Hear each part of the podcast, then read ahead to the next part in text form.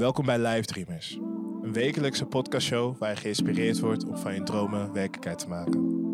Ik ben Benjamin Colté en samen met de Adem Co Members Club in Amsterdam ga ik in gesprek met echte dreamers. We kijken naar een carrière, maar we bespreken voornamelijk wat hun dromen zijn. Wat hebben Michael Jackson, Rihanna, Chris Brown en nog meer vele grote artiesten allemaal gemeen? Ze hebben allemaal gedanst met Timor Steffens.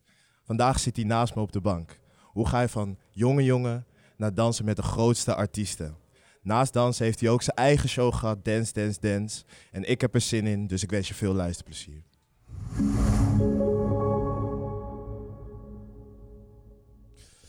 Welkom Timor. Thanks for having me. Wauw, ik oprecht. Dank je wel dat je hier zit, want ehm, ehm, voor jou, dit is Live Dreamers. Uh, Ja. Live Dreamers is dus een platform om van je dromen werkelijkheid te maken. Ja. En de gasten die ik altijd persoonlijk uitnodig, daar kijk ik niet per se tegenop, maar die ambieer ik wel altijd. En als ik dan kijk naar jou, je hebt met mijn grootste idool gedanst ook nog, Michael Jackson, Beyoncé, ga zo maar door, Chris Brown ook nog. Ja, ja, ja. Dan Klopt. denk ik van wauw, eigenlijk laat jij gewoon zien voor iemand die uit Rotterdam komt, dat je letterlijk van je dromen werkelijkheid kan maken. Ja. Ehm, dus daarvoor dankjewel dat je hier zit. Hey, dankjewel dat je me hier hebt, man. Ja. Heel dope. It's an honor. Ehm, normaal gesproken wil ik meteen de diepte induiken. Ja. Dat heb ik ook bij de vorige gast gedaan. Oké. Maar eigenlijk, er is, de laatste tijd is er veel aan de hand geweest. De laatste afgelopen jaar. Ja. Dus ik wil weten, hoe voel je? Zo, dat is een goede vraag. Ik heb vaak met mensen erover gehad, weet je. Coronatijd en eh, Ja. hoe het voelde. Ik zeg altijd van... Het is zeg maar, wat ik altijd zeg met dromen. Hè? Ja. Eh, dromen voor mij is dat je weet waar je naartoe gaat. Alsof je in, een auto, eh, in de auto zit. Je hebt een navigatie, je hebt een eindbestemming. Je rijdt er naartoe. Hoe dan ook, je rijdt de juiste kant op. En ik heb het gevoel dat coronatijd soort van even een grote handrem erop heeft gezet. Ja, ja, ja. En dat je dan heel eventjes, terwijl je staat, om je heen moet kijken en moet gaan beseffen waar je bent op het moment. Mhm. Of je happy bent met waar je bent. En ehm, wat de mogelijkheden zijn om toch nog door te kunnen ontwikkelen. Toch nog door te kunnen eh, gaan met wat je wilt. En ik moet zeggen dat de coronatijd voor mij een, eh, een hele grote, ja, een heel groot leerproces is geweest. Voor mezelf als persoon. Mhm. Privé. Leerproces voor... Ja, leerproces gewoon omdat ik, ik, ik, ik, ik ken niet anders dan zitten in een sneltrein, zeg maar. Gewoon Mm. eeuwig, eh, de afgelopen 15 jaar heb ik aan één stuk door gewerkt. Dus ik ken het niet om stil te zitten. Ik ken het niet om veel thuis te zijn. Ik ben gewend vanuit mijn koffers te leven. Ik ben gewend om heel veel te reizen en van job naar job te gaan. En op een gegeven moment valt er een heel groot gat.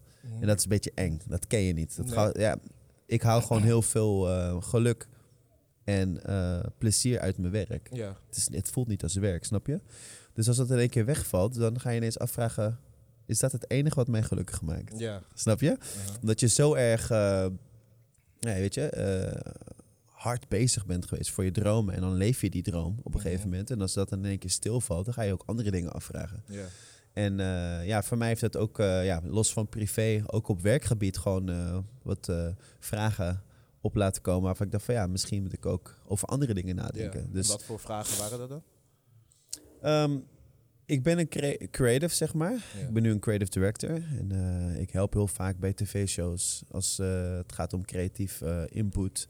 Als het, help, als het is helpen van tv-formats bedenken of Mhm. verder ontwikkelen. En je eigen ook, die heb je ook gehad, toch? Ja. Dance, dance, dance. Ja, precies. En, Ja. en dat zijn dingen, zeg maar, waar je continu wordt ingehuurd door een externe partij. En ik heb heel veel ideeën altijd, maar omdat ik altijd bezig ben voor anderen, heb ik nooit echt tijd om mijn eigen bedrijf Mhm. en mijn eigen ideeën verder te ontwikkelen. Die zijn soort van altijd op de planken gebleven. En in de coronatijd heb ik eigenlijk weer gekeken naar al die dingen die ik wilde doen, die op mijn lijstje staan van dit wil ik allemaal doen. Mhm. En toen heb ik eigenlijk leven ingeblazen eh, op mijn eigen platform, Next Dance Wave.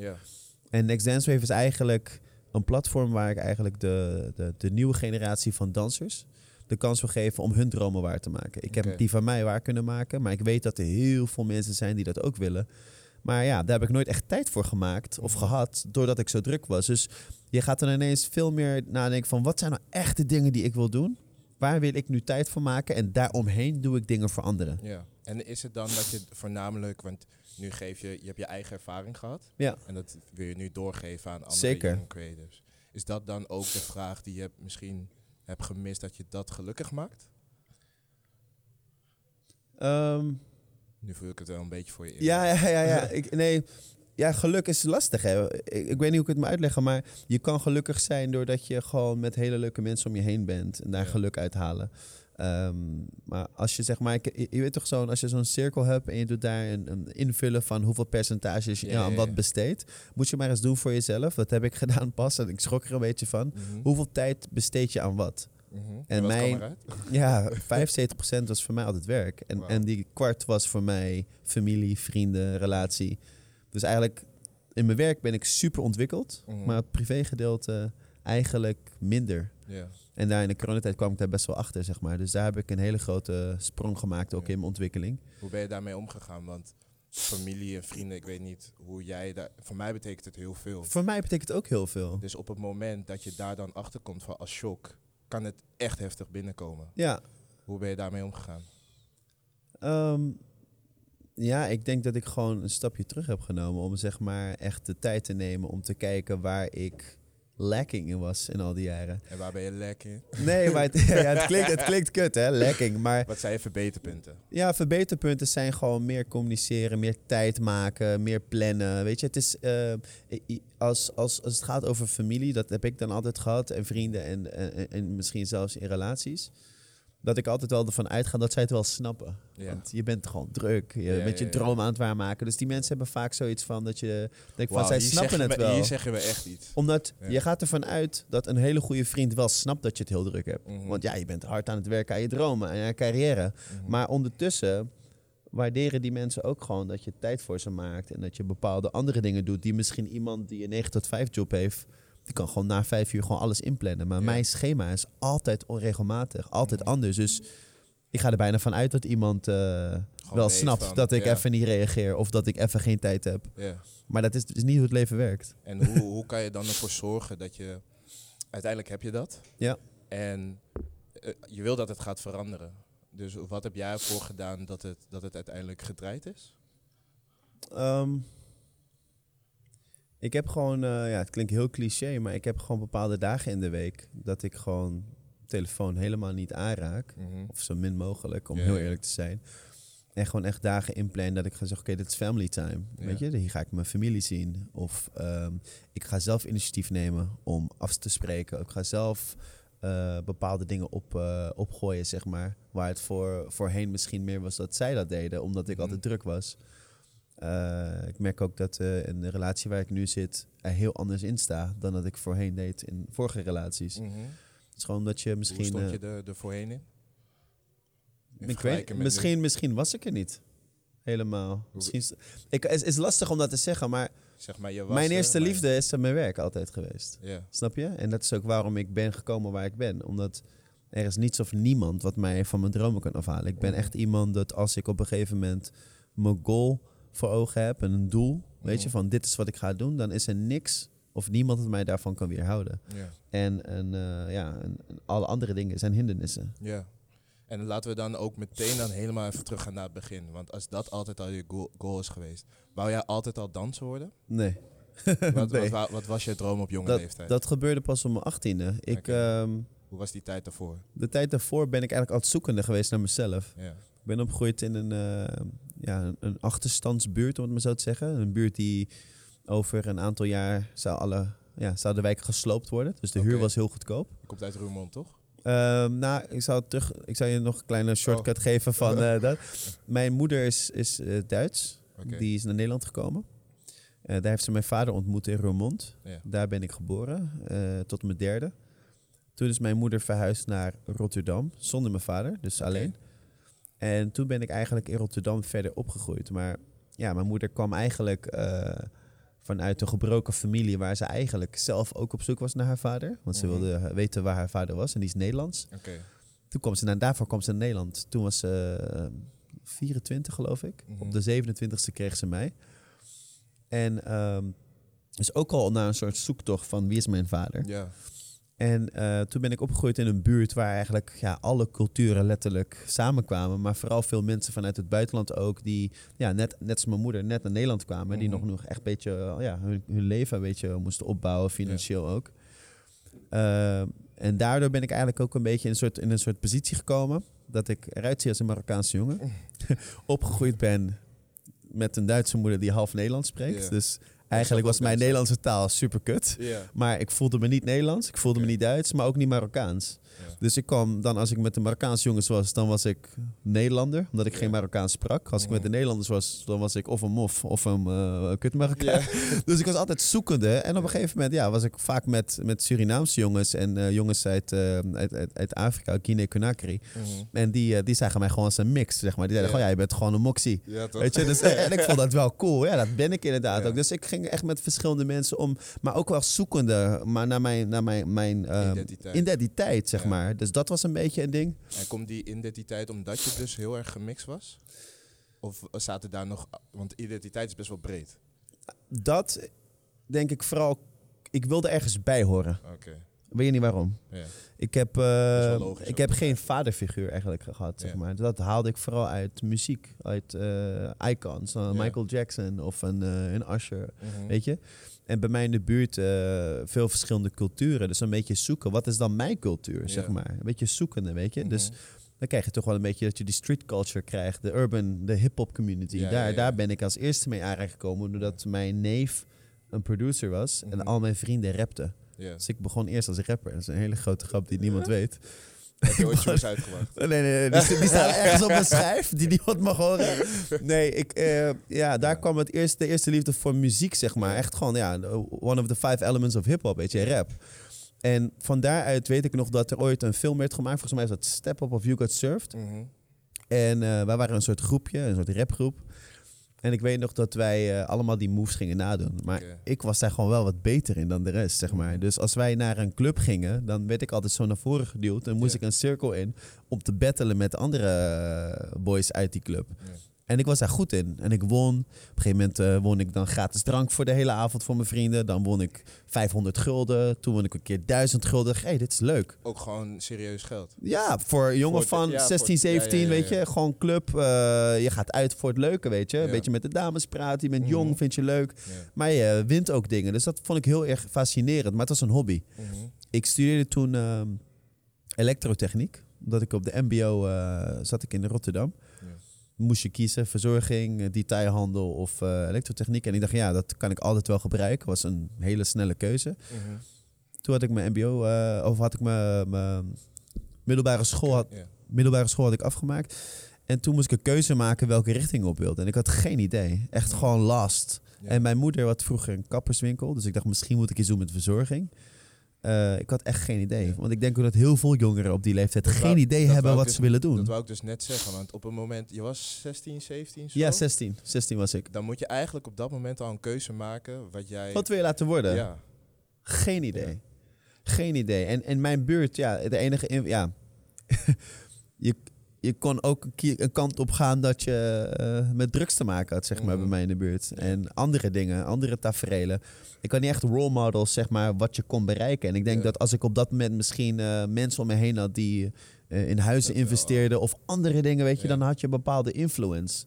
Dus ik had dat niet echt en dat was alleen op school. Ja. Dus ik dacht van ja, ik ga een kappersopleiding doen. Want mijn moeder heeft ooit een kapperszaak gehad. En ik deed toen al, gingen we bij elkaar lijntjes doen, weet je, bij je haartjes, eh, Contourtjes. contourtjes zetten, een beetje opscheren. Dus ik dacht van ja, dat is wel chill, dan doe ik dat wel. Toen ik dat deed, moesten we een keer een, eh, een soort fashion show doen voor haar, een hairshow of zo. En toen zei ik als grap van ja, misschien kunnen we dan iets tofs doen wat anders is dan anders. Want we Mhm. moesten van andere opleidingen moesten we winnen. Toen zei ik van ja, wij doen een dansshow erbij. En dan doe ik een solo. Ik wilde mezelf gewoon die spotlight zetten, weet je. Mhm.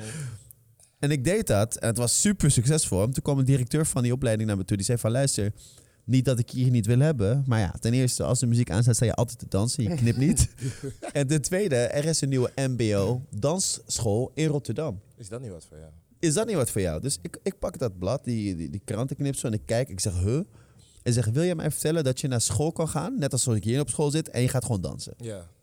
En zeg, ja, dat is letterlijk wat er staat. En dat is letterlijk wat het is. ja. Dus ik kon mijn ogen niet geloven. Ik kon, niet, ik kon er niet bij, eh, bij komen dat je gewoon naar een opleiding kon voor dans. Ik auditie gedaan. Nou, fast forward, twee jaar zat ik op die school. Toen weet ik nog, dit is een mooi moment. Dat mijn ogen open waren gegaan. Dat je als danser eh, daarvan je beroep kon maken. Ja. En toen Terwijl ging, je al op die opleiding zat. dit, dit, begon, ervoor. dit begon ervoor. Dan ga ik researchen. Ga ik kijken. Dat was toen eh, internet net was. Hè? Ja. Ik ging een beetje onderzoek doen op YouTube en zo. Zag ik heel veel filmpjes van Janet Jackson dansers, eh, Mhm. Michael Jackson dansers. Ik dacht, oh cool, dus ik kan dat gewoon doen. Dan krijg ik gewoon voor betaald. Ja. Dat wist ik daarvoor nog niet, weet je. Mhm. Ik dacht gewoon battelen, leuk, dit, dat.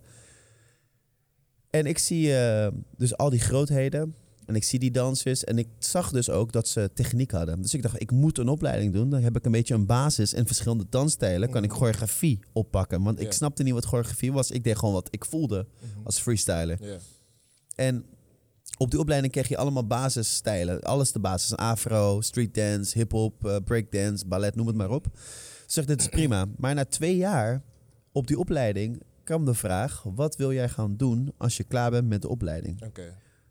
Ik zat daar twee jaar en ik zeg tegen, eh, ik zeg tegen de directrice van die school: ik zeg, luister, ik eh, wil als ik klaar ben met deze opleiding, wil ik naar Amerika toe. Wil ik dansen met Justin Timberlake, Janet. Jackson, Michael Jackson. Mhm.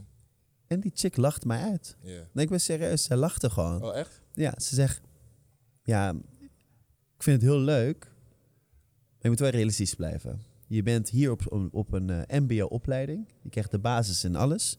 Ik denk dat je even je, je, je, je, ja, je dromen wel realistisch moet maken. En ja, na deze school kan je misschien een musical doen of een dinnershow. Mhm. Dit, dit, dit. En ik keek naar haar en ik dacht van... Dat wil ik helemaal niet. En waarom?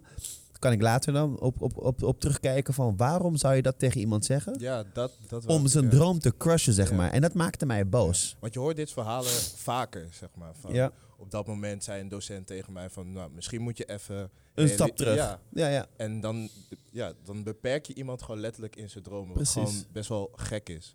Dus hoe ge- wat voor gevoel kreeg je op dat moment? Ik kreeg bewijzingsdrang Ja. van... Ik ga jou laten zien dat ik dit helemaal kapot ga maken. Dat had ik gewoon van... Ja, Jij weet half niet wat er in mij zit. ja, wat er in mij zit. Ja. En toen heb ik ook per direct gezegd dat ik wilde stoppen met de opleiding. Ik dacht van ja, dit is niet voor mij. Als ik Mhm. al zo iemand heb die dat zegt...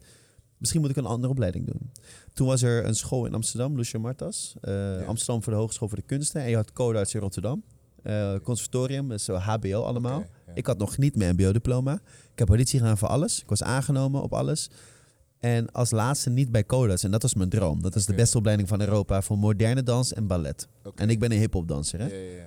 Voor wat had je daar dan aangemeld? Ik wilde me aanmelden omdat ik dacht, als ik daar aangenomen word, dan zit ik bij de beste school. En ik wil altijd het beste. Dat zat al in mijn hoofd. Ik moet altijd bij het beste zitten. Maar die school is zo internationaal dat ik misschien een exchange student kan worden met de Oh. New York school van Elvin Ailey. En Elvin Ailey is een hele grote moderne dansschool. Oké. En ik dacht, als ik dat kan doen, heb ik al een soort ezelsbruggetje dat ik zo heel snel in Amerika terecht kan komen. En misschien doordat ik ballet kan, de Mhm. basis voor mij in heel veel dansstijlen, kan ik heel makkelijk audities doen voor grote artiesten. En kan ik nog makkelijker bij mijn dromen komen. Ja. Nou, ik werd aangenomen. Het was echt een step-up eh, movie gewoon. Dat ik bij die auditie stond aan een balletbar. In mijn basketbalshorts. Ja. Iedereen in, mijn- in, in, in panties en zo. En iedereen keek achterom en zo. Who the fuck is this guy? Weet Ja, je, wie komt, hij- wat, wat komt hij hij? hier doen? Dus iedereen die be- benen omhoog en het developpé helemaal tot aan hun hoofd. Ja. En ik zat zo op 90 graden met een trillend beentje met kramp in het van, oh shit. En iedereen keek. Ik zeg maar, wacht als die improvisatieronde komt. Dan ga ik jullie laten zien wat ik kan. En die ronde kwam en toen keek iedereen van, oh, deze guy is dope. Tof dat je nog steeds luistert naar de podcast Livestreamers. Hopelijk geniet je ervan. En als dat zo is, vergeet ons niet te volgen op Spotify. En hopelijk geef je ons 5 sterren. En één ding, maak van je dromen werkelijkheid. Ja, want gaat het altijd zo? Eh, hoe ziet zo'n voorronde eruit? Het zijn verschillende rondes. Eh, op, eh op Codarts is het echt, eh dan kijken ze echt naar je potentie. Ze kijken naar je skills natuurlijk in ballet, in modern, in jazz.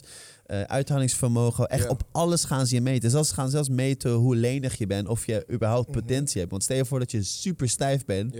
En misschien het niet in je hebt om heel lenig te worden. Dan kan het zijn dat ze zeggen, ja, je kan niet een balletdanser worden. Of je kan nooit aangenomen worden op een moderne school. Het is heel kritisch.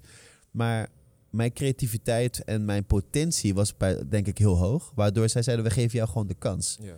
Wij zien de potentie. Je moet wel bijscholing nemen op Mhm. theorie, want je hebt geen MBO-diploma. En je moet op ballet gewoon extra uren meedraaien, Ja. zodat je op het niveau komt van de rest van de klas. Mhm. Twee jaar gedaan. Fast forward, Soy Tinkerlands kwam naar Nederland. Ja. Ik dacht, dit is een platform waar ik mezelf kan laten zien.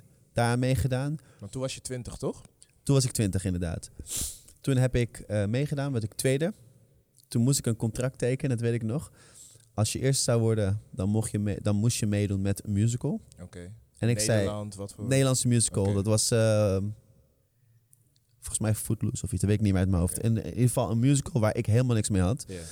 En ik zei, dat ga ik niet tekenen. Dus je, wil- je gaat nu niet zeggen dat je expres tweede bent geworden. Ik denk het wel. ik durf het niet te zeggen, omdat ik niet achter de schermen keek. Maar ik weet wel dat ik toen dat contract kwam, heb ik het niet getekend. En ik durf bijna te zweren, en ze mogen me zeggen dat het niet zo is, Mhm. dat ik daarom niet eerste ben geworden. Ja. Maar- En het heeft beter uitgepakt voor mij dat ik tweede ben geworden, Ja. omdat ik vrijheid had na die show. Mhm. En ik kon mijn dromen achterna. Anders had ik aan een contract vast. En had ik andere verplichtingen. Mhm. En ik heb daarna gewoon... ehm, Maar hoe voelt dat voor jou? Want jij zei net, ik wil altijd de beste zijn. En nu pak je die tweede plek. Ja, dat was bikkelen. Ja. Ik zeg je heel eerlijk, daar kon ik niet zo goed tegen, nee. Want het pakt wel goed uit, daar niet van. Alleen Ja. het is niet die gouden medaille. Nee, klopt. Maar het, het voelde wel als eh, mission accomplished. Omdat ik denk dat je met alles, jij ook met deze podcast, je hebt een doel voor ogen, toch? Ja. En je wilt iets bereiken, zeg maar. En als jouw doel is om te bereiken dat je een aantal miljoenen streams hebt en je behaalt het niet, dan voel je je als een failure. Maar als jouw doel is om mensen te inspireren of whatever, en je behaalt dat, dan is dat ook een goed, laten we zeggen, als de streams niet goed zijn. Hetzelfde bij mij. Ik ging niet meedoen om eerste te worden. Ja. Ik ging meedoen omdat ik wilde laten zien aan Nederland dat ik behoor tot de beste dansers van Nederland. Want ik zei altijd, als ik naar Amerika ga, dat is voor mij de oceaan. En wij zitten hier in een vijver. Mhm. Wij zitten hier in een vijver waar kleine visjes zwemmen met een paar haaien. En daar zit je gewoon alleen maar de Great White Sharks op Ja. talentgebied.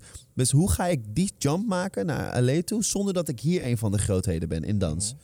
Dus toen ik tweede werd, was dat voor mij een accomplishment van oké, ik behoor dus daadwerkelijk tot een van de beste dansers van Nederland. Nu durf ik die stap te maken. Mhm. En toen ik naar Amerika ging voor het eerst, was ik weer helemaal beneden aan de rang. En moest je weer gaan klimmen. Moest ik weer gaan klimmen, Ja. zeg maar. Dus zodoende was dat voor mij een soort, eh, ja, een meetlat. Ja. Want hoe was die stap? Dan word je tweede. Ja. Wat gebeurde? Hoe zag je leven eruit? Was dat meteen dat je daarna naar Amerika ging? Deed je daar nog mee aan shows? Ik, het was grappig, want ik was eh, toen ineens heel bekend. Iedereen op straat herkende Ja. mij. Ik eh, deed wat rappers en zangers nu doen. Deed Mm. clubtours. Letterlijk, heel bizar moet je je Met- voorstellen. met dansen. Als danser, hè? Was ik in de tijd met Daryl en ehm, wie waren het nog meer, joh? Johnson. al die boys van toen, zeg maar, die generatie die toen aan waren. Yes Sir, eh, weet je, al die boys van... elkaar, ja, maar andere generatie, weet je. Stond ik in de club op te treden. En deed ik een, ja, een, een, een dans van anderhalf minuut of twee minuten of freestyle. En daar kreeg ik dan voor heel veel geld voor betaald eh, in die tijd. Guldens, weet je. En dat deed ik gewoon continu. Elk weekend stond ik wel twee, drie keer ergens op te Mhm. treden. En dat was gewoon wat ik deed. En toen weet ik nog dat er een een aanvraag binnenkwam. Akon kwam toen. Toen was Mhm. groot, weet je. Van Locked Up en al die... eh, en Lonely, al die hits die hij had. En toen zei ze van, wil jij het voorprogramma doen van Akon? En dat is voor mij van, wow, Ja. weet je. Groot Was Amerikaans dat de artiest. eerste? Dat was de eerste grote eh, gig die ik toen had, internationaal gebied. Mocht ik het voorprogramma doen. Maar hoor dit. Ik was in de tussentijd naar Amerika geweest, omdat de presentatrice van, de, van Soy Tiki Dance deed een videoclip shoot in LA. Ik ging mee met Dan Carity, een van de juryleden. Ja, ja, ja. Dus ik dacht, prima, dan neem ik mijn manager ook mee op dat moment. En dan ga ik gewoon lekker daar een beetje oriënteren. Ik ga Mhm. lessen volgen, vragen wat de goede agencies zijn, dit en dat. Zodoende kwam ik dus op een gegeven moment in een dansles terecht. En die zei, jij moet deze en deze les doen. Had ik ook gedaan. En je moet met deze agency gaan praten. En- Wie, wie zei dat tegen je precies? Ja, ik wil niet te veel name droppen. Nee. Dus ik, ik kwam, ik, oké, ik vertel het verhaal wel, anders is misschien raar voor de kijker. Ik kwam via via, kwam ik dus op een gegeven moment thuis bij de choreograaf van Justin Timberlake, Marty Oké. Kudelka heet hij. En ik liet hem de beelden zien van Study Dance. En hij zei tegen mij, ik denk dat als jij in Amerika komt, dat jij heel veel gaat werken. Want Mhm. je hebt echt heel veel skills in verschillende dansstijlen. En je ziet er gewoon goed uit. Ik denk dat het gaat lukken. En dat was een woord van een topchoreograaf naar Ja. mij dat mij zoveel motivatie gaf. En- en zag En jij het- hij, Zag jij het zelf ook in je? Of was het die bevestiging die hij moest geven? ehm, Want soms doe je dingen en weet je wel dat je hard bent. Nee, ik zeg wel... je eerlijk, ik dacht vroeger dat ik de shit was. ik zeg je eerlijk. Ik dacht vroeger echt, no one can fuck with me. Snap je? Ik bedoel, ik had die Mike Tyson syndroom. Weet je, van once I'm in the ring, I'm invincible. Once I'm on stage, no one can fuck with me. Ik deed battles en alles, zeg maar. Ik had wel een hoge dunk van mezelf. En ik denk dat je dat ook nodig hebt. Die, die, die zelfverzekerdheid. Dat was geen arrogantie. Het is gewoon, ik weet hoe goed ik ben. Maar in Amerika was het weer een nieuwe soort eh test try-out voor mij. Dus die bevestiging van hem, van zijn level. Want ik kijk echt naar hem op van... Wow, jij hebt met Mhm. alle grootheden gewerkt. En je bent de choreograaf van Justin Timberlake. Jij komt zo dicht bij mijn droom. Mhm. Jij zegt ook nog even dat ik goed ben. No one can fuck with me. Ja, snap je? Wie Ja, houdt me tegen? Dus anyway. Hij zei je moet naar Block Agency. Ik kom via dus bij Block Agency terecht. En ik zit daar, ik laat weer die beelden zien. Zij zeggen ook weer, wow, amazing, bla bla bla bla. Maar je moet een grote job boeken. Dan krijg jij je O1 visa en dan kan je hier gaan werken. Mhm. Het enige wat je nodig hebt is een grote auditie en die moet je boeken. Nou, ik denk, fuck, dat is wel een beetje een grote challenge. Nou, ik weer terug naar Nederland toe. En ik kom eh, eh, terug bij het verhaal van Ekan, waarom ik hierbij bij kwam natuurlijk. Ja. Dus ik kom eh, in Nederland. Ekan eh gig stond gepland op een bepaalde datum. En ik ging naar een eh, feestje toe die avond Mhm. in de Maasilo. Oké. Sta ik te praten daar na die show, eh, waar dat feestje was, zo'n afterparty. Belt mijn manager ineens, telefoon gaat over. Neem de telefoon op, ik zeg, yo, what's up? Het is 11 uur, what- what's going on? Hij zegt, eh, je moet nu naar beneden komen, ik ga je naar de airport brengen, want je moet auditie doen voor Michael Jackson. Ik zeg, bro, shut the fuck up. Ja, ja, Ik hou die telefoon weer op en ik ga verder praten. Ik was weet toch, jong, een beetje met mensen aan het praten. Ik Mhm. voelde me aan, weet toch, leuk, gezellig. Belt hij weer terug. Hij zegt, ik ben serieus, Kel. Kom nu naar beneden. Ik meen serieus. Die agency heeft dus jou ges- geselecteerd om auditie te doen voor Michael Jackson. Na die meeting dat ze hebben gehad met jou. Ze dachten, dit is wel iets voor jou. En ze denken dat jij het kan halen. Wauw. Dus ik naar beneden. Karim, mijn manager, staat voor de deur. Ik stap de auto in en ik rijd naar huis toe. Terwijl we naar huis rijden, zegt hij ja, maar je weet wel dat die Econ gig ook staat op de datum dat jij die auditie doet. Dus Oh, wil je dat risico nemen? Want je weet niet of je die job gaat pakken. Mhm. Dus ik dacht van ja, ik wil heel graag het voorprogramma doen voor Econ, maar auditie doen voor Michael Jackson? I don't care if I make it. Ik wil gewoon. Michael zien, weet je? Dat means, that means more than anything. Ik zeg, fuck it. Ik zeg, cancel die shit. Zeg gewoon dat er iets tussen is gekomen, bla bla bla. Ik ga naar huis, mijn moeder slaapt. Ik weet het nog wel als gisteren. Eh, mijn moeder ligt te slapen. Ze ligt met de rug naar de deur toe. Dus ik kom heel zachtjes binnen zo. Mhm. Ik schud mijn moeder wakker. Ze zegt, huh, wat, wat?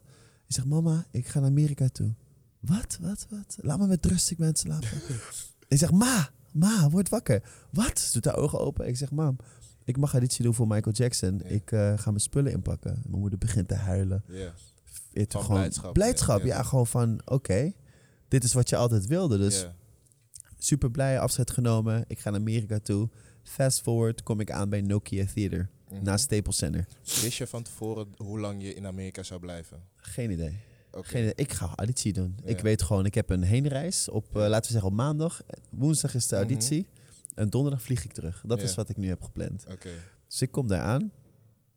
Ik weet nog dat ik daar weer aankwam en weer dacht van... oh ja, dit is net de film. Die grote stoepranden, die gele busjes van de Mhm. school. Weet je wat je ziet in movies. En ik kom aan bij eh, Nokia Theater en ik zie daar een rij staan. 6000 mensen. Ja? 6000 mensen vanuit heel de wereld. Die allemaal auditie moesten doen. Allemaal auditie komen doen. Wauw. Mijn nummer was 1040. Oké. Ik loop langs die rij en nu ga, ik je dit, nu ga ik je die metafoor geven van Mike Tyson. Weet je nog wat Mike Tyson heeft gezegd in zijn documentaire? Hij zegt, yeah, once, whenever I'm in the, in, in, in the dressing room, I feel insecure. That I might get beat up, that I, that I can lose. But once I start walking towards the ring, every step I get close to the ring, I start thinking, oh, maybe I can get this guy. Oh, maybe I'm better. Maybe I'm stronger. And then once I get towards that ring and I step in the ring, I'm invincible. I'm God. No one can fuck with me. Mhm. Precies dat, maar dan in reverse had ik. Ja, ja. ik voelde me God. ik kwam Ik aan. dacht, hey shit, je gaat me nog slaan. Nee, nee, ik, kwam, ik kwam daar aan als God, Timor Steffens van Nederland. Ik dacht, oh, no one can fuck me. Maar mind you, ik heb dus al jaren research gedaan. Ik ben gewoon een nerd als daarom. Ik weet wie de dansen zijn van Michael, wie de dansen zijn van Justin. Ik weet alle Amerikaanse seizoenen van So You Think You Dance, wie eraan mee hebben gedaan. Het zijn allemaal idolen van mij. Mhm. Ook uit Frankrijk waren er bepaalde guys die ik al van de battle scene kende. En ik kende hun, ik keek naar hen op van wow, ik wil zo goed zijn als jou, als Ja. danser. Dus ik loop zo, I am God mode, loop ik zo langs die ring. Mhm. Of wel langs die ring. Langs die, langs die rij. Langs die rij. langs die rij. Ja.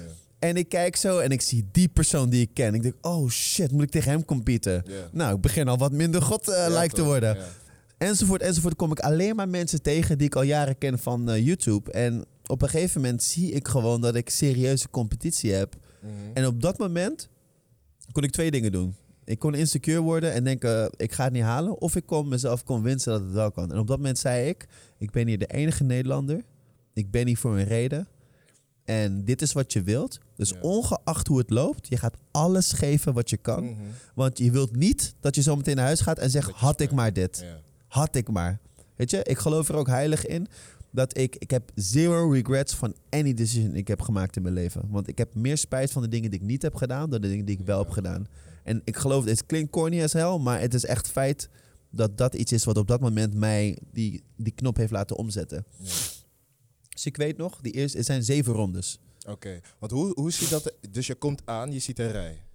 Je ziet de rij, je loopt er langs, want Ja. die staan al in die rij. Dan Oké. kom je bij een tafeltje aan Oké, en dan zeggen ze, hi, name an agency. oké. Uh, Timor Steffens, Blok. Oké, en uh, do you have your ID? Do you have your passport? Mhm. Da, da, da, and you have a resume? Nou, moet je allemaal inleveren. Dan krijg je een nummertje van hun. Die moet je dan met een paperclipje aan je shirtje vastmaken Ja, ja, aan de ja. voor- en achterkant. Als je die kwijtraakt, ben je dus de Sjaak. Dan weten ze niet meer wie je bent, want je bent een nummertje. Ja. 1040 was ik volgens mij. Ik weet het niet uit mijn hoofd.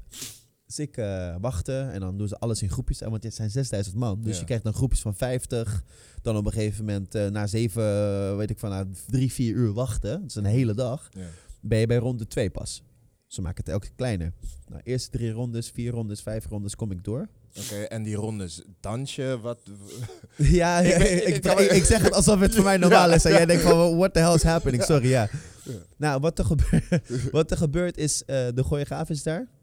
De assistent zijn daar. En die Mhm. leren jou dus een choreografie aan. Oké, Michael Jackson choreografie natuurlijk. ja, ja. ja. Hij was er zelf niet, of wel? Daar kom ik zo bij. Daar kom ik zo bij. You- You're getting too excited now. dus dus, dus ehm, je leert choreografie aan en dan moet je hem dansen. Krijg je twee keer de kans. Dan mag je van plek wisselen. Je danst hem één keer, dan wissel je van plek. Zodat je de andere mensen ook een keer voor kunnen zien. Mhm. En dan zeggen ze, la- ga je in een rij staan naast elkaar. En dan komt er een assistent. En die zegt alleen dit. Thank you of please stay. Thank you is get the fuck off the stage en ga naar huis. Ja, ja, ja. En please stay betekent, je gaat door naar de volgende ronde. Oké. Is heel snel, heel strak wordt dat gedaan. Geen uitleg. Nee, dat zeggen ze van tevoren. Oké, if you say thank you, please go home and we want to thank you for, for coming to the audition, but that's it. If we say please stay, you're going to the next round and congrats. Gewoon snoeihard. Snoeihard, moet wel. It's, it's showbiz, weet je. Ja. Geen tijd voor, voor emotions at that moment. Ja. Dus please, eh, please stay. Thank you. Please stay. Thank you. Zo gaat het door. Boom. Mhm. Nou, één, twee rondes gaat het fantastisch. Ik ga door. Op een gegeven moment kom ik bij de vierde of vijfde ronde aan. Sta ik weer in die rij. En dit was een moment dat ik het gevoel had dat ik een fout had gemaakt. Want dit gebeurde er. Ik sta op het podium en ik kijk de zaal in waar normaal duizenden mensen zitten. Nokia Theater. Mhm. En op de eerste rij zie je de director Kenny Ortega, de choreograaf Travis Payne, assistent choreograaf Tony Testa en eh Stacey Walker. Dat zijn zeg maar de, de creative team. Mhm. Maar op eh, allemaal camera's natuurlijk. Op een gegeven moment krijgen wij dus dat muziekje. Die begint. Doedoem, doedoem, doedoem.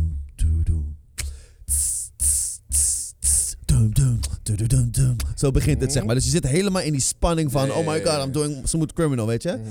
Maar in het begin moet je een cobra doen. Dat is een move die we allemaal kennen van Michael. Dat hij soort van met zijn borst beweegt. En zijn armen als een soort slang. En dat hij dan om, zich heen- om zichzelf heen draait. Dat is de eerste move die je moest doen. Maar dan draai je ook om jezelf heen. Dus je kijkt op een gegeven moment weg van het publiek. En dan kijk je weer terug.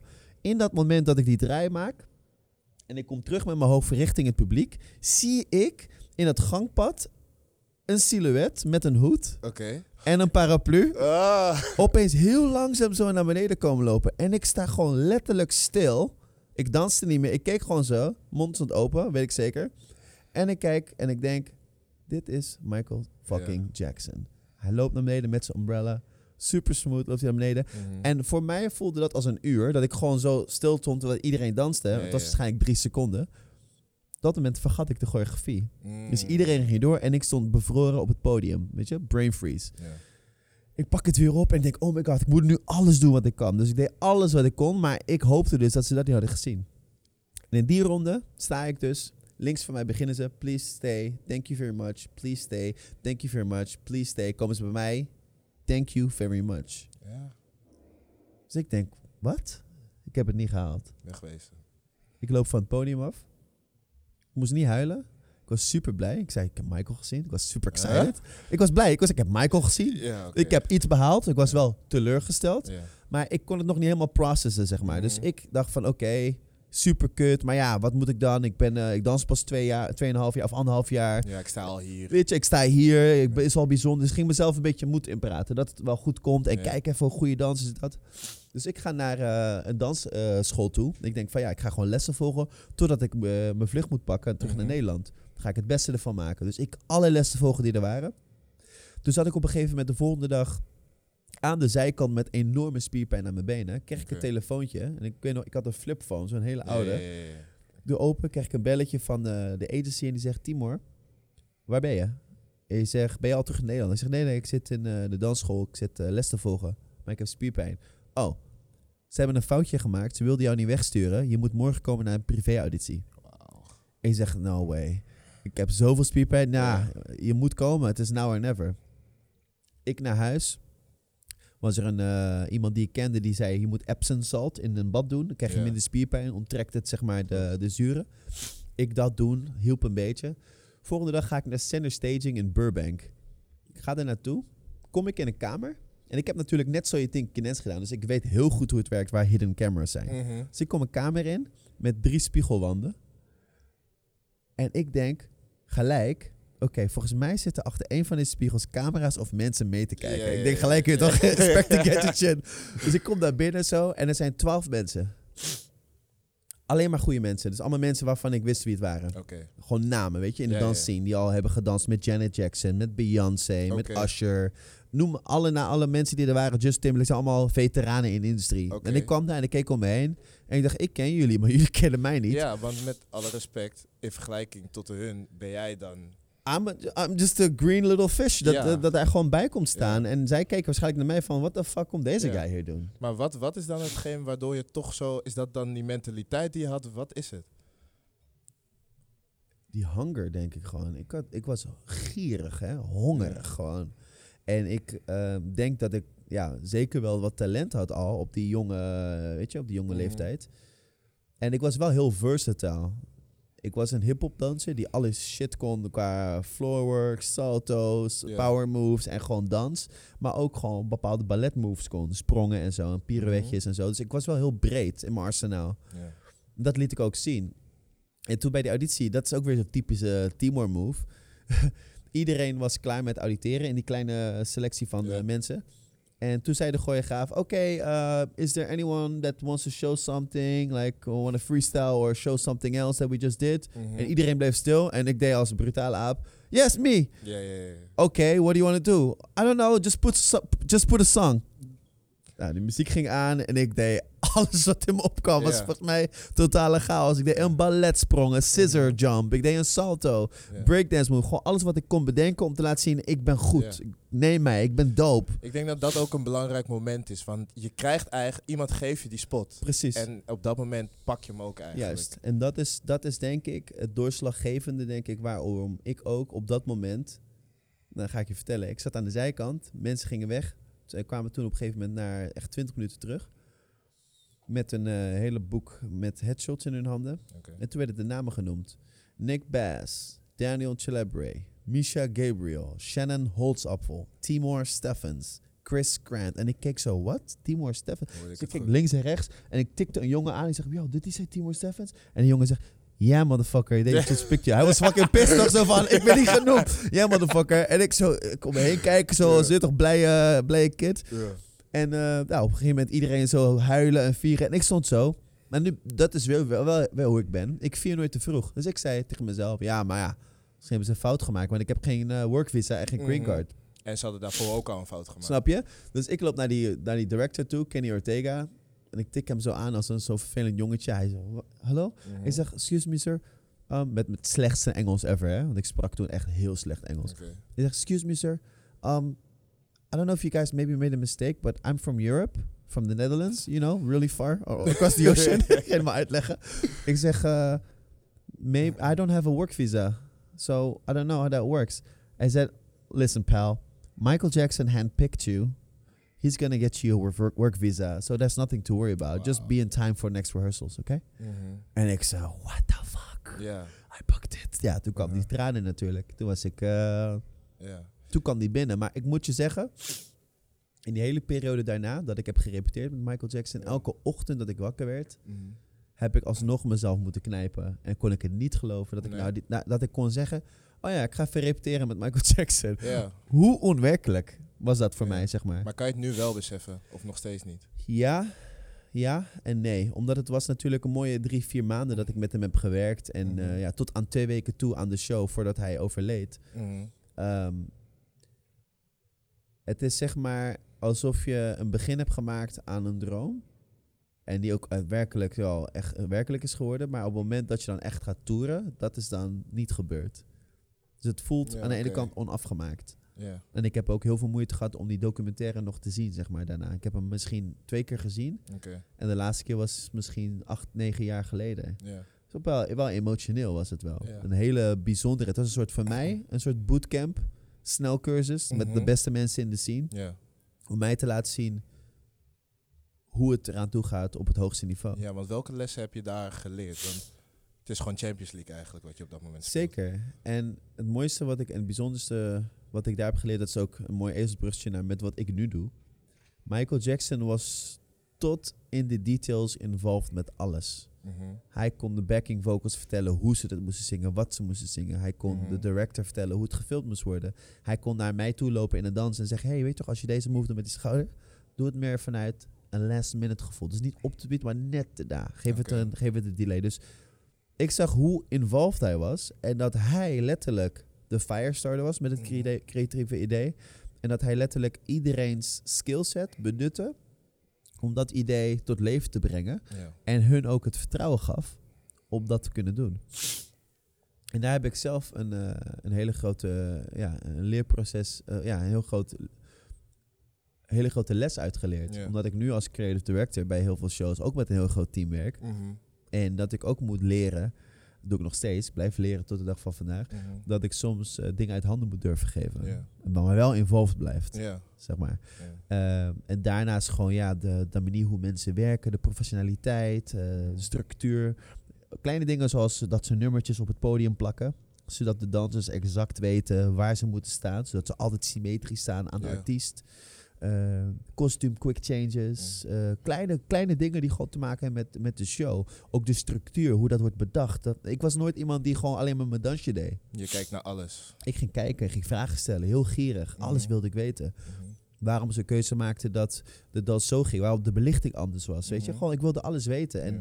ik denk dat ik daar gewoon heel erg heb geleerd hoe een show in elkaar steekt Ja. en hoe je dat vanaf scratch opbouwt. Ja, maar ik vind als ik kijk en eh, als ik ook naar je verhaal luister, heel veel dingen zijn heel logisch gegaan omdat je heel veel dingen ook hebt uitgestippeld. Van oké, ik ga naar So You Think You Can Dance, dan kan er dit en dit gebeuren, dan et cetera, gaat door. Maar iedereen heeft ook zo zijn mindere punten. Ja. Of uh, hoe heet het? Uh, dalen. Ja. Um, ik las ook dat je eenzaam was in LA. Ja, zeker. Wat, uh, en dat is weer wat je, wat, je, wat je net hoorde, wat ik zei over familie. Hè? Ja. Mijn moeder wist dat het mijn droom was, mijn zusjes Ja. ook. En je merkt toch dat je de, een soort sacrifice maakt, zeg maar. Mhm. Als je echt voor je dromen gaat als jonge gast. En een sacrifice kan je sanity zijn, kan het eh, zien opgroeien van je zusjes in mijn Mhm. geval. En de band die je dan hebt met je familie eh, kan dat zijn. En dat doe je dan voor the, the greater good in a way. Mhm. Maar dat is wel een tol die je betaalt of zo. Want ik merkte wel, ik moest daar zijn het hele jaar door. En ik heb toen gezegd van ja, ik wil met kerst sowieso naar Nederland om mijn familie te zien. Maar dat is Mhm. één keer in het jaar. Ja. En je merkt gewoon dat, ja, dat is lastig. Hè? Je hebt Ja. je, als ik wakker word, gaan zij slapen. Als zij gaan slapen, word ik wakker. Ja. En ik was al ja, jong, een beetje roekeloos. Mhm. Niet heel goed in communicatie, Ja. weet je. Ik leef dan in mijn bubbel. En ik kan dan heel snel vergeten om contact te zoeken met mensen. Omdat ik dan zo erg in die tunnelvisie zit. Dat ik alles om me heen kan vergeten. En dat heb ik met de jaren echt moeten leren, zeg maar. Ja, Dat ik niet... hoe, hoe, leer- hoe heb je dat geleerd? Want bij, de reden waarom ik vraag, ik, ik vind, ik struggle soms om die balans te vinden tussen work-life, want je hebt je dromen. Ja. Maar wat we ook zeggen is van ja, Je moet je familie, je vrienden, alles waar je omgeeft, moet je... Is dat dat sacrifice? Hoe? Ja, dat is een hele goede vraag. ik denk dat het voor iedereen anders is. Maar wat ik zei bij corona, in die coronatijd zeg maar. Dan als je geen werk hebt, of niet mag werken, Mhm. wat blijft er dan nog over van je leven? Niks. Als dat 75% van je leven is, en er blijft maar 50%, 25% over, en dat is je familie en vrienden, dan heb je eigenlijk...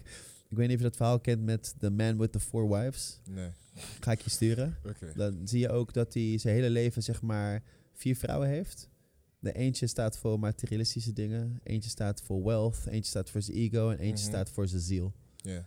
En degene die hij het minst eh, aandacht heeft gegeven is die, die vrouw die staat voor zijn ziel. Oké. En op een gegeven moment dat hij op zijn sterfbed ligt, kan hij niks van die drie dingen kan hij meenemen de dood in. Het enige Mhm. wat hij meeneemt is zijn ziel, wat hij heeft opgebouwd Ja. in het hiernamaals. En zo zien, ja, het gaat misschien heel diep wat ik nu zeg, maar als je dan op een gegeven moment erbij stilstaat, als je werk zou wegvallen en je kijkt dan naar je leven, naar de mensen die er onvoorwaardelijk voor jou zijn, omdat het familie is of mensen die echt van je houden, dan zie je dat dat heel waardevol is. En dat je daar eigenlijk veel meer tijd en energie in moet stoppen. Ja. Ook al doe je iets waar je heel gelukkig van wordt Mhm. en waar je heel veel eh, voor terugkrijgt. Het is toch iets als je zo meteen wat ouder bent en eh, ja, laten we zeggen, eh, je ligt op je sterfbed, dan Ja. zijn dat de mensen misschien wel die er nog steeds voor je zijn Ja. en die jou kunnen supporten als het niet goed gaat. Ja. Want in zo'n periode dat het dan niet goed gaat, wat heeft jou dan daaruit gehaald? Ehm, in welk geval bedoel je dat? Nou ja, dan op het moment dan ben je daar. Je bent letterlijk je droom aan, aan het najagen. Je danst met Michael Jackson. Je hebt ook nog met Chris Brown gedanst. Ja. Rihanna, ga zo maar door.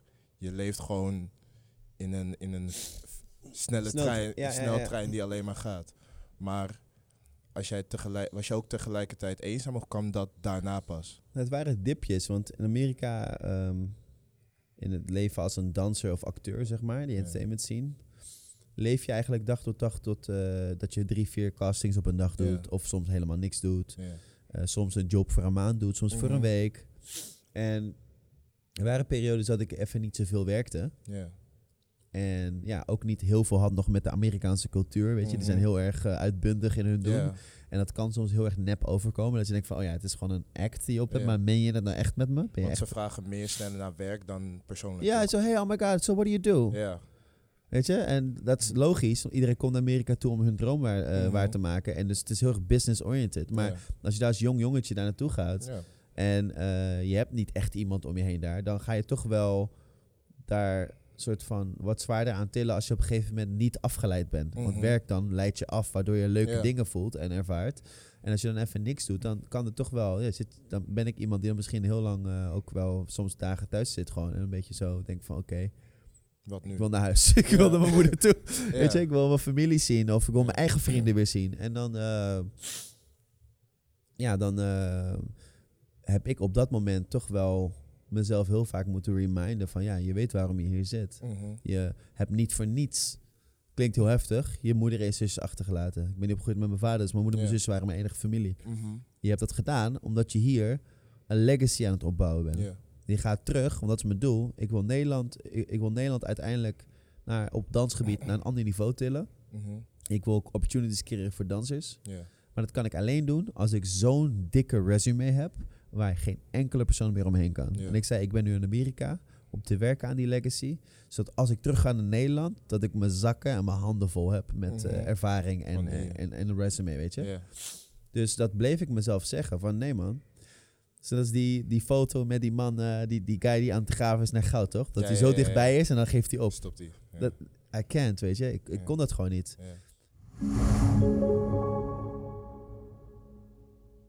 Want hoe is het dan? Je hebt een paar keer benoemd nu dat je opgegroeid bent zonder vader. Ja. Ik heb zelf twee ouders die nog bij elkaar zijn, dus ik Ja. kan me niet zo. Ik weet niet hoe dat is. Hoe, hoe is het? Want er zijn heel veel mensen die op, zonder vader zijn opgegroeid. eh, en die dan zelf dan de vaderrol soms willen overnemen. ja, dat heb nooit- ik zelf ook erg Ja. gehad met mijn zusjes. Dat ik de Ja. vaderrol heel vaak eh, overnam. De Mhm. bescherming en het advies willen geven. Ja. Maar ja, dat doe je automatisch. Maar dat doe je ook een beetje misschien om eh, jezelf te beschermen. Omdat je zelf nooit echt een vaderfiguur hebt gehad. Ja, Dus je gaat jezelf hard maken. Je gaat Mhm. jezelf, eh, je gaat een schild opbouwen. ja. En eh, er zit misschien heel veel onzekerheid, maar dat, Heb je dat harder ook een beetje meegenomen in die Amerikaanse lifestyle, zeg maar? Want daar is het ook van nee, Ja. weg, wegwezen, up, up. het is een soort masker dat je opzet. Ja, Een soort masker dat je opzet. En dat eh, kunnen sommige mensen wel of niet. Ik denk dat het- dat ook een soort journey is geweest waar ik mezelf ben gaan ontdekken. Mhm. Weet je, dat je je onzekerheden die je misschien hebt vanuit eh, hoe je bent opgegroeid, ja. dat verbluf je door je zekerheid die je hebt in een bepaalde skillset die je hebt. Ja. En dat geeft je zekerheid. Als mensen zeggen, hey, je bent echt dope, je bent echt goed hierin, of Ja, je haalt weer een auditie. Ik ging letterlijk naar audities toe. En elke keer als ik hem nailde, dat deed dat wat met mij. Het was een soort adrenaline rush van, oh, Mhm. I, I fucking did that shit. Mhm. Weet je, je krijgt daar energie van. En dan als ik het niet had, dan voelde ik toch weer een beetje twijfels. Want iedereen denkt altijd van, ja, je bent altijd zeker van jezelf. Je bent altijd dit. Nee, hoor. Ja. weet je hoe vaak ik onzeker ben geweest? Wat zijn jouw onzekerheden dan? Als je het wil vertellen. Vroeger was het altijd of ik niet goed genoeg was. Want waarom is mijn vader bij me weggegaan? Ja, Snap je? Waarom mag ik niet bij de jongens staan, die Marokkaanse? En waarom mag ik niet ehm, dit of dat, weet je? Of ehm, ik had dus die vader die wel heel kritisch was. Die Ja. dingen zei die niet goed waren, maar nooit zei wat wel goed was. Dus heel veel dingen ga je dan toch wel aan jezelf... eh, twijfelen. ja, ja, zeker. Ja. En ik denk dat dat iets is wat mij mentaal een heel sterk persoon heeft gemaakt. Is dat ik mezelf kan motiveren. Mm.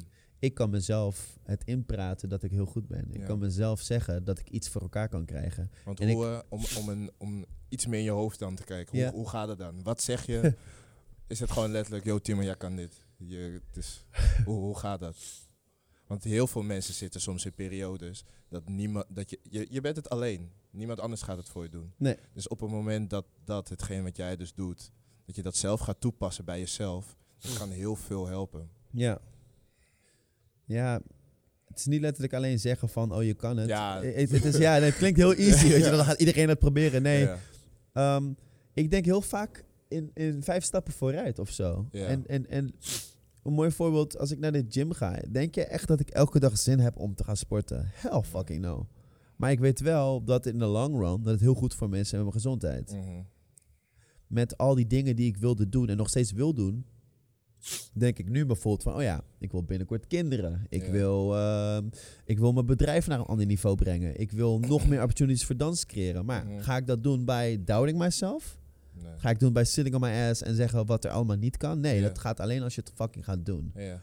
En het grootste ding wat ik nu mezelf de laatste tijd heel veel opdraag, een soort, als een soort missie, is ga expres elke keer uit je comfortzone. Hm? Ik heb gemerkt, als ik uit mijn comfortzone stap naar iets wat ik eng vind, dat ik altijd iets van leer. Ja. Omdat het is heel makkelijk om te blijven cirkelen in iets wat je al kent, Mhm. maar je leert daar niks van. Mhm.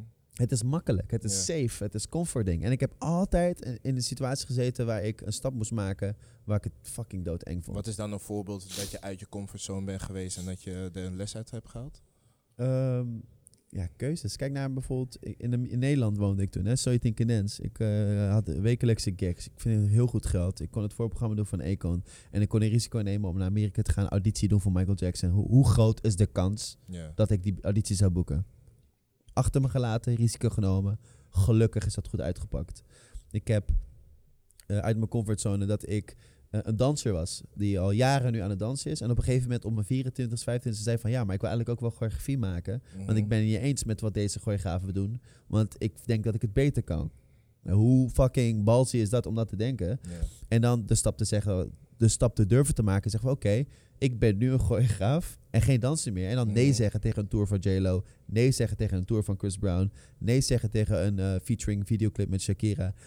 En dan te zeggen, ik ben nu een choreograaf. En dan en, en wachten tot er een job komt. En dan een eh, kleine klus aannemen van een eh, Aziatische artiest. Ja. Om zodoende maar te beginnen. Zodat ik kan zeggen, ik ben een choreograaf. Maar je begint weer op nul. Dan doe ik eh, een concert choreograferen. Vrienden van Amstel. Opening show 2012. Eh, publiek waar met bier gegooid wordt. Waar ze Mhm. naar Hollandse muziek luisteren. Zeggen ze, Timor Steffens, jij hebt met Michael gedanst. Wil jij een toffe openingsshow maken? Ja hoor. Ik luister toen naar trapmuziek. Ik zei, ja hoor, dat wil ik. Maar ik ga met deze pokoes ga ik deze optreden in elkaar zetten. En zeggen ze, ja, zou je dat wel doen? Helemaal rechts. Nope, ik ga het doen. Uit mijn comfortzone in een publiek wat ik eigenlijk niet ken. Ik ben echt een urban kid. Dus Is dat dan om je visie te verbreden? Om elke keer uit je comfortzone te zien? Want je ziet wel elke keer andere beweegredenen, andere dingen. In plaats Ik van denk dat, dat- je altijd in je bubbel blijft. Ik denk dat elke keer een soort van nieuw gebied is dat ik probeer te veroveren, in a way. Maar ook iets nieuws proberen wat ik niet ken en ervan kunnen leren. Want hetzelfde Mhm. met eten toch? Hoe ga je zeggen dat je aardappelen vies vindt als je nooit hebt geprobeerd? Mhm. Hoe zeg je dat je Surinaams eten lekker vindt als je het niet hebt geprobeerd? Ik heb zoiets van, probeer het, doe het. En zeg dan of je het eh, wel of Ja. niet leuk vindt. Oh, ja, een mooi voorbeeld. Jij vroeg me net, hoe was het vroeger voordat je ging dansen? Ik heb bijna elke sport gedaan. Mhm. Klinkt insane, maar ik heb vier, vijf jaar gejudo'd. Op eh, wedstrijden alles. Ik heb Muay Thai boxing gedaan. Ik heb vier jaar op voetbal gezeten. Ik heb op darten gezeten, op bowlen, op wedstrijd zwemmen, op eh, atletiek. Al that fucking shit. Omdat ik niet wist wat bij mij was. Bij mij hoorde, wat ik leuk vond. Mhm. En toen ik begon met dansen, toen klikte het. Ja. Eigenlijk zeg je gewoon ga op ontdekkersreis. Ja, doe het. Want- mensen durven die shit niet. Ze wachten tot het uit de lucht komt vallen. En dat is Mm. opportunity. Ze denken letterlijk dat, dat ah, ik zeg ik wil profvoetballer worden. Dat ze dan wachten tot een deel. Nee, ga fucking elke dag trainen. Ga Om- naar die eh, coaches toe en smeek ze en dwing ze om ze aan te nemen. Whatever. Weet je, allemaal een voorbeeld te noemen. En make it work. Er komt niemand je een handout geven. Nee. En dat is denk ik ook als iemand je een opportunity geeft. Het was letterlijk in LA, was mijn motto. Ik ben een soldaat. Ik moet elke dag klaar zijn om naar oorlog te gaan. Mhm. Mijn munitie moet ready zijn, mijn wapens moeten gereed zijn, mijn intelligentie, mijn looks, mijn alles moet ready zijn. Dus als danser dacht ik, ik ga elke dag trainen. Ik ben in de sportschool, ik zie er verzorgd uit, ik, ik hou mijn dansskills bij. Ik ga alle audities doen. Als ik nu gebeld word, ja Timor, al over een half uurtje gaan auditie voor Just Timberlake, ben je ready? Dan kan ik niet zeggen, oh nee, ik ben niet in shape. Ja, je moet shirtless. Ja, oh nee, fuck excuses. Ik ben nu ready wanneer jij het vraagt. Ja. En dat is ook de eis die ik op een gegeven moment had voor mijn dansers als ik ze inhuurde. Ja, maar Dus de lat ben- was hoog, ik ben volgens kritisch. Ja. Ja. ja. Mensen zijn soms echt doodsbang. wat, wat, wat maakt een danser... Waar kijk jij naar? Zeg maar? Ehm, Waar maakt het- iemand een goede danser? het, is, het is heel erg gaan transformeren in de jaren. Maar ik vind een goede danser iemand die een emotie tot leven kan brengen door middel van beweging. Oké. Kleur heeft in zijn beweging. Kijk, iedereen kan een lach opzetten en Mhm. een heel goed dan, een choreografietje dansen. Maar ik vind het mooier als het iets met me doet. Ja. Is die lach gemeend? Snap je? Ja. Boos kijken omdat je dat voelt is een lichaamstaal. Ja. Eh, een goede danser voor mij is ook verschillend aan welk project je het linkt. Mhm. Ik kan een freestyler gruwelijk vinden, omdat ik iets wil wat zijn eigen stijl tot zijn leven brengt. Maar als ik een freestyle, bepaalde freestylers voor een tv-show wil gebruiken, waar choreografie heel belangrijk is, kan dat een valkuil zijn voor die freestyler. Ah. Dus, en andersom, voor een choreografiedanser die misschien helemaal niet kan freestylen, en ik zeg, doe eens even je eigen ding, valt hij ook misschien door de mand. Ik vind een goede danser iemand die heel open-minded is, en die veel knowledge heeft eh, opgedaan van verschillende dansstijlen. En zodoende dus multidisciplinair inzetbaar is. Mm. Onthoud het. Take notes. Eh, met dans heb je altijd met muziek te maken. Ja. Ik vroeg jou eh, welk nummer je inspireert. En toen zei, ze, toen zei je Intimidated. Ja. Van... Kate Tronada featuring Her. Ja. Ja, ik weet niet. eh, dat nummer is zo, zo lekker. Het geeft gewoon goede energie. Ja. Er zit ritme in. Die, die, die voice van Her is gewoon nice. De lyrics zijn goed. Kate Mhm. Tronada heeft ook gewoon... Ik weet niet man. Hij, ik vind hem echt een, eh, een, een hele, hele, hele dope artiest om naar te luisteren. En wat maakt hem zo dope, volgens jou? Ik weet niet, hij zit er gewoon heel... bij Zijn musicaliteit, de, de sfeer die hij brengt, de kleur die hij aan het nummer geeft, is gewoon altijd... Als je het aanzet, heb je gewoon het gevoel dat je wilt dansen of je wilt het in de achtergrond. Het is gewoon een feel-good type of sound. En eh, ja, deze track doet het gewoon voor mij. Ja, want wat... Kijk, inspireren. Waarom, waarom inspireert dit nummer jou dan? Wat doet het met je? Ik Los weet- van het feit dat het goede vibes is. Dat is een moeilijke, moeilijke vraag. Waarom het mij inspireert, dat weet ik niet. Maar het is net als we hier zitten nu bij de Ademtoren, toch? Eh, Zeg maar, als ik nu zo kijk, je ziet Ja. al die, die gebouwen, zeg maar. Dit doet me ook denken aan toen ik op de Runyon Canyon stond en ik keek naar LA, naar Hollywood. Toen zei ik ook een keer van eh, freedom, vrijheid. Ik ga dit ooit over, eh, overheersen, ik ga dit ooit veroveren. En ik, bij dit nummer heb ik dat gevoel ook een beetje, vrijheid. Het is Mhm. heel open, het is heel open-minded. En die sense of freedom heb, krijg ik daar een beetje bij. is gek dat je dit zegt, want letterlijk, ik had je al verteld, dit nummer had ik dit weekend ook gedraaid. Ja. Dat gevoel van ik kan alles aan. Ja. Dat had ik met dat Precies, nummer, zeg maar dat is het. Dat is het. Is grappig. En dat is gewoon een, eh, wat muziek met je kan doen. Ja. Het is heel bijzonder. En eh, ja, ik weet niet wat, wat ik daar nog meer over moet eh, zeggen. Hey, we gaan er einde aan breien. Ja, en sorry voor de, voor de luisteraars van mijn neus, die ik altijd moet ophalen. Ik heb een hele heftige allergie. Dus het spijt me. Het is fucking annoying. Ook voor mij. Nou, ik hoop in ieder geval dat het wel gewoon heel chill was. Ja, zeker. Ehm, ik wil je echt bedanken. Ik had je al de- van tevoren bij het gesprek bedankt. Ja. Ik heb van jou heel erg geleerd, ook al hier aan, op deze bank. Van dat je, maakt niet uit wat het is, of wat je wil, of hoe zeg, als je iets wil bereiken, dan moet daar gewoon je focus op zitten. En doe daar ook gewoon alles voor. ja, schrijf het ehm, uit. Ja. Maak een, maak een stappenplan voor jezelf. En Ja. wijk daar niet van uit. En durf nee te zeggen ja. tegen dingen die, die niks te maken hebben met dat, Mhm. met dat doel of droom. En, en met daar aanvullend ook van geloof ook in jezelf. Want ik zeg je eerlijk, dat straal, Dat je, dat straal je ook echt uit. Dat is Dus echt je key. echt nemen. Ehm, dus dankjewel. Uh, dankjewel voor het eh, komen. En dan gaan we naar je tune luisteren. Let's go. Let's go. Ai.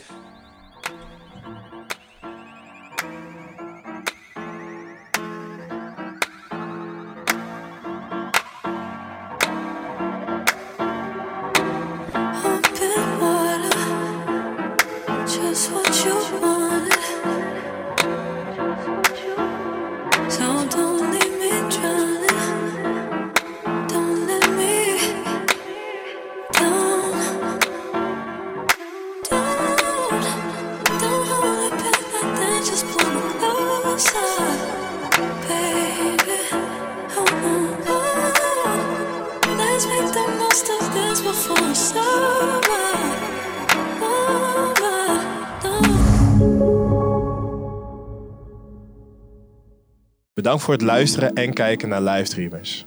Vergeet deze podcast niet te delen met je vrienden om zoveel mogelijk dreamers te inspireren.